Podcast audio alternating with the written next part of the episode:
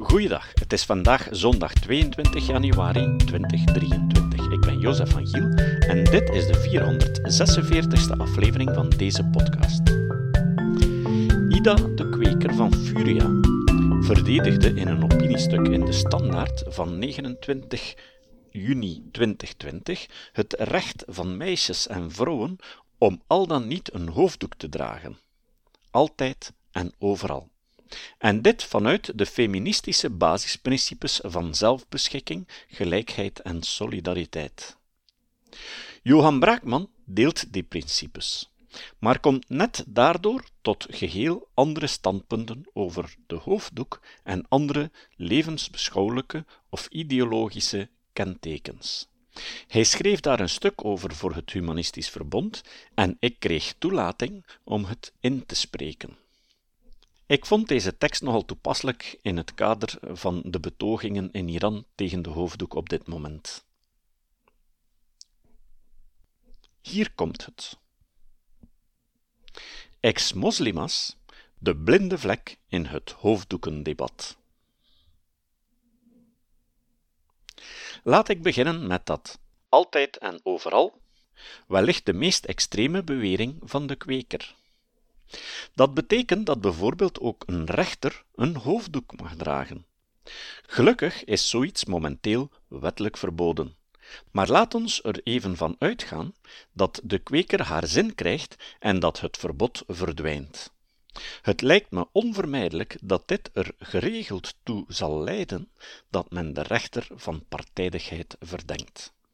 Het feit dat ze niet bereid is om zichzelf als levensbeschouwelijk neutraal in de rechtszaal te vertonen, is evident problematisch in een democratische rechtsstaat. Als ze een uitspraak doet in het voordeel van iemand die moslim is, ten nadele van iemand die joods is, hoe kan ze dan het vermoeden van vooringenomenheid of favoritisme vermijden? Ook als haar uitspraak rechtvaardig is, zullen sommige betrokkenen niet langer geloven dat vrouw Justitia blind is. Ze moet volstrekt onbevooroordeeld staan tegenover het uiterlijk van diegenen waarover ze recht spreekt. Maar het is even zinvol dat ze haar persoonlijke levensbeschouwelijke politieke en ideologische opinies blindeert. Ik wil als vrijzinnig humanist liever niet voor een rechter staan met een kruis rond zijn hals. De rechter mag zo conservatief katholiek zijn als hij maar wil, maar even niet in de rechtbank. Een rechter moet net in staat zijn om aan te geven dat de democratische rechtsregels in specifieke situaties van groter belang zijn dan de regels waarvan hij of zij denkt dat ze een bovennatuurlijke oorsprong hebben. Ook als een rechter niet in God gelooft, maar pakweg een kledingstuk of sieraad draagt omwille van zijn of haar identiteit, is het argument zinnig. Bij uitstek in een rechtbank betuigt men respect voor de wetten die democratisch tot stand kwamen. Met wetten die enkel relevant zijn voor een subgroep, om het even de welke, heb ik als buitenstaander niets te maken. Dus liefst ook geen rechter die mij visueel en onmiskenbaar duidelijk maakt Vlaams nationalist te zijn, of militant atheïst, of lid van Pro Familia, ook al kunnen dat belangrijke aspecten zijn van de identiteit van de rechter. Dat we van een rechter verwachten dat ze haar hoofddoek niet draagt tijdens een zitting, betekent niet dat we haar vragen om haar geloof of haar identiteit op te geven. Dat kan ook onmogelijk een dergelijk effect hebben. We willen wel dat ze aangeeft neutraal en onpartijdig te zijn, of daar in elk geval zoveel mogelijk naar te streven in haar rechtbank. Dat is in een ieders belang. Godsdienstvrijheid en hokjesdenken. Ida de Kweker geeft aan dat een verbod op het dragen van een hoofddoek in scholen, of om het even waar en wanneer, in strijd zou zijn met de godsdienstvrijheid. Ook dat argument is niet geldig. Net zoals wat de rechter betreft, vraagt een verbod op levensbeschouwelijke tekens geen zins de opgave van een geloof. Evenmin houdt het een ontkenning van iemands identiteit in. Men vraagt enkel dat leerlingen aangeven dat ze in staat zijn om elkaar tegemoet te treden zonder dat ze zich a priori en uitdrukkelijk differentieert van de andere. Een opvallend religieus kenteken mag dan wel een expressie van identiteit zijn, maar het signaleert eveneens de verschillen, het anders zijn. Helpt dat de gelijkheid? De kweker klaagt aan dat een verbod op levensbeschouwelijke tekens vooral gericht is op de hoofddoek. Dat is in zekere zin waar, maar niet omdat er specifiek een aversie bestaat tegenover de hoofddoek. De discussie gaat in wezen niet over het al dan niet toelaten van een hoofddoek, of niqab en dergelijke, maar over om het even welk levensbeschouwelijk kenteken. Dit is door anderen reeds ontelbare keren opgemerkt, maar het lijkt maar niet door te dringen, zoals ook nog bleek uit de betoging van zondag 5 juli in Brussel. De betogers hadden het uitsluitend over de hoofddoek, terwijl het arrest van 4 juni 2020 van het Grondwettelijk Hof dat de aanleiding vormt van de onvrede over religieuze kentekens in het algemeen gaat. Natuurlijk is de situatie momenteel zo dat er nauwelijks leerlingen zijn die nadrukkelijk willen duidelijk maken katholiek, mormoon, humanist, hindoe of wat dan ook te zijn. Blijkbaar vinden die dat geen aanslag op hun godsdienstvrijheid. Nog doet het afbreuk aan hun identiteit. Dat lijkt me vrij logisch. Ik kan me voorstellen dat iemand die homo is, dat als een belangrijk aspect ziet van zijn identiteit. Wil dat zeggen dat hij daarom voortdurend altijd en overal een regenboogvlag rond zichzelf moet draperen? Is het een aantasting van zijn recht op vrije expressie als hij dat op school niet mag doen? Natuurlijk niet. De godsdienstvrijheid behoeft overigens in principe geen aparte juridische behandeling. Ze is sowieso gewaarborgd voor de vrijheid van meningsuiting en andere mensenrechten. Het is blijkbaar nog altijd van belang om erop te wijzen dat godsdienstvrijheid echt niet betekent dat men altijd en overal moet mogen en kunnen duidelijk maken welke godsdienst of levensbeschouwing men aanhangt. Evenmin moet men altijd en overal allerlei andere opinies kunnen duidelijk maken. Misschien behoort nudisme tot mijn identiteit. Maar het verbod op naaktlopen in de Gentse Veldstraat zie ik niet meteen als een inbreuk op mijn recht op vrije meningsuiting. Een leerling, anders dan bijvoorbeeld een rechter, hoeft zich uiteraard niet neutraal op te stellen omwille van zijn of haar job.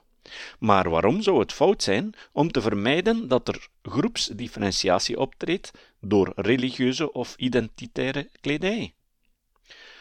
Het hokjesdenken zit sterk ingebakken in de menselijke psychologie. Ida de Kweker denkt dat moslima's geviseerd worden, maar ze zwijgt over de nefaste gevolgen van jongeren die vastzitten in een ideologisch fuik.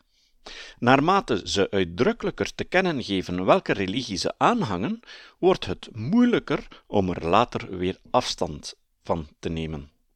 Godsdienstvrijheid, voor zover dat woord iets betekent, houdt ook de mogelijkheid in om afvallig te zijn. De kweker pleit ervoor om meer te luisteren naar moslima's zelf. Niks op tegen. Maar ze vergeet de groep die het meest kwetsbaar is en het grootste risico loopt op discriminatie en op aantasting van de godsdienstvrijheid, namelijk diegenen die het geloof achter zich willen laten, of minder strikt zijn in de leer. De overtuigde moslima's worden echt niet in hun grondrechten aangetast als ze tijdens de schooluren hun hoofddoek niet dragen. Voor de duidelijkheid, dat staat los van de mogelijke reële vormen van discriminatie, bijvoorbeeld op de arbeidsmarkt. Wat er feministisch is aan het inwilligen van de eis om overal en altijd te kennen te geven dat men gelovig is, ontgaat me. Integendeel, het is net beknottend voor de mogelijkheid om zelfstandig en vrij te denken en een leven te ontplooien op basis van zelfgekozen principes en waarden. Zou de kweker ook meegaan in de vraag om een burka te dragen, altijd en overal? Het zijn diegenen die afstand willen nemen van de religie die hen is opgedrongen, die meer steun verdienen. Veel meer steun. Er zijn veel schrijnende getuigenissen van afvallige moslims of van diegenen die doen alsof ze nog steeds gelovig zijn, maar in werkelijkheid twijfelen, of in hun hoofd reeds het geloof achter zich lieten. Die mensen hebben het vaak buitengewoon moeilijk. Ze hebben schrik om voor hun mening uit te komen. Ze riskeren een hoge prijs te betalen voor hun emancipatie. Het verbod op het dragen van een hoofddoek in specifieke omstandigheden is net een zegen. Het geeft hen de mogelijkheid om zichzelf te zijn, zonder dat ze ervoor aangepakt kunnen worden. Betogen kunnen ze niet, wegens veel te gevaarlijk. De kweker beweert dat het argument dat er sociale druk bestaat om een hoofddoek te dragen, de ultieme dooddoener is. Zou het? Ze geeft geen enkel argument voor haar bewering. Heeft ze gesproken met meisjes die geen hoofddoek willen dragen, maar er niet aan onderuit kunnen, op straffen van sociale uitsluiting?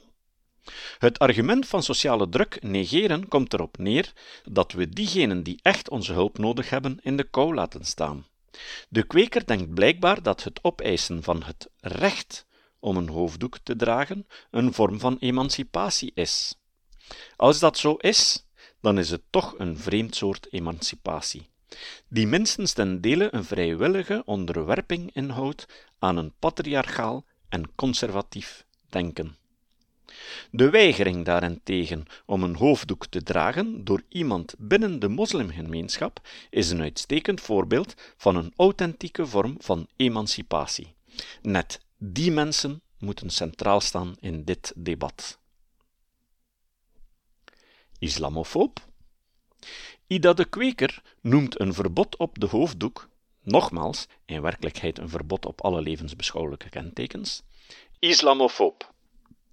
Het is een bedenkelijk begrip dat men te pas en te onpas gebruikt om eisen te stellen die grondrechten aantasten. Zogenaamde islamofobie keert de zaken om. Het meisje met de minirok wordt zelf schuldig aan aanranding.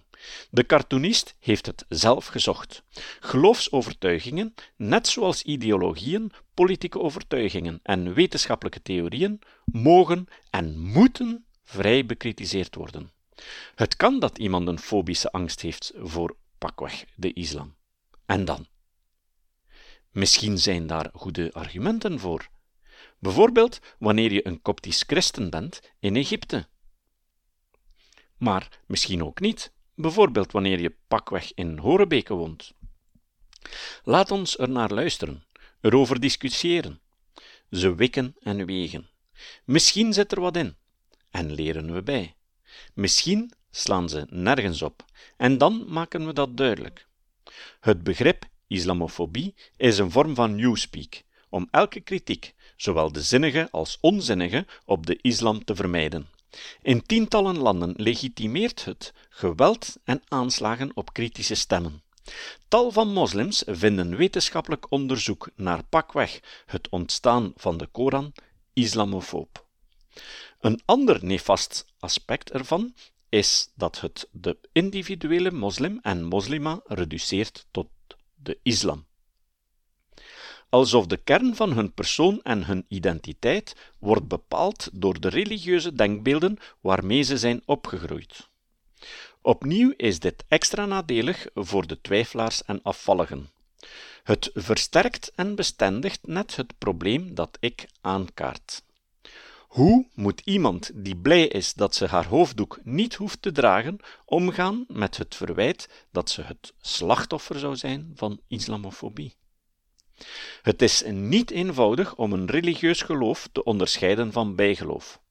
Meerdere jonge moslims en moslima's verwerpen de evolutietheorie geloven in djinns en in mirakels, betwisten kernepisodes in de geschiedenis en denken dat er een boek bestaat dat een goddelijke oorsprong kent en alle kennis bevat die de mens nodig heeft.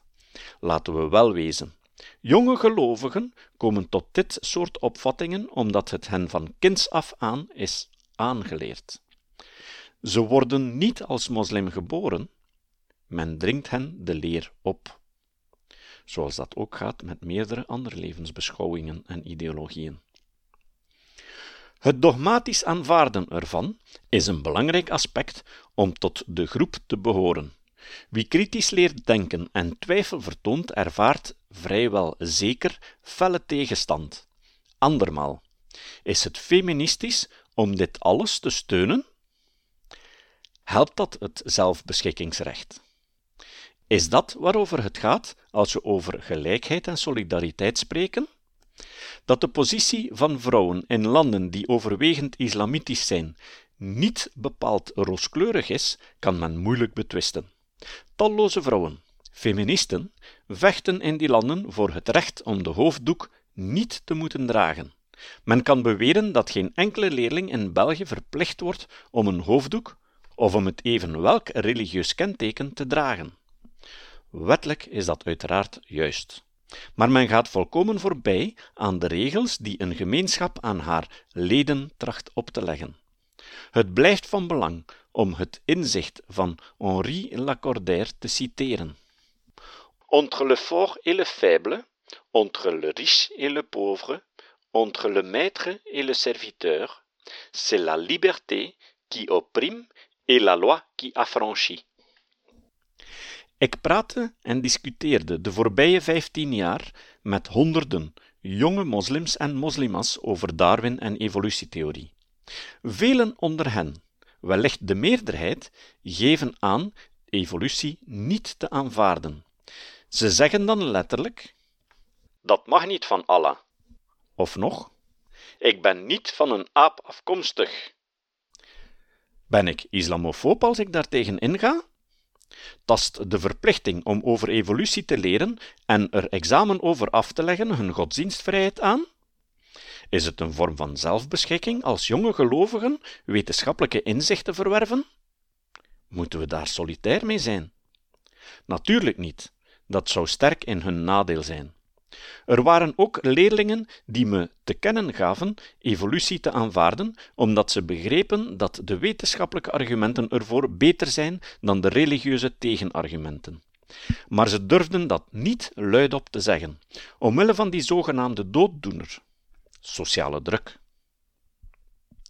Overigens hoorde ik ook geregeld getuigenissen van meisjes die hun hoofddoek niet langer wensen te dragen, maar dat uit angst voor represailles niet durven te doen.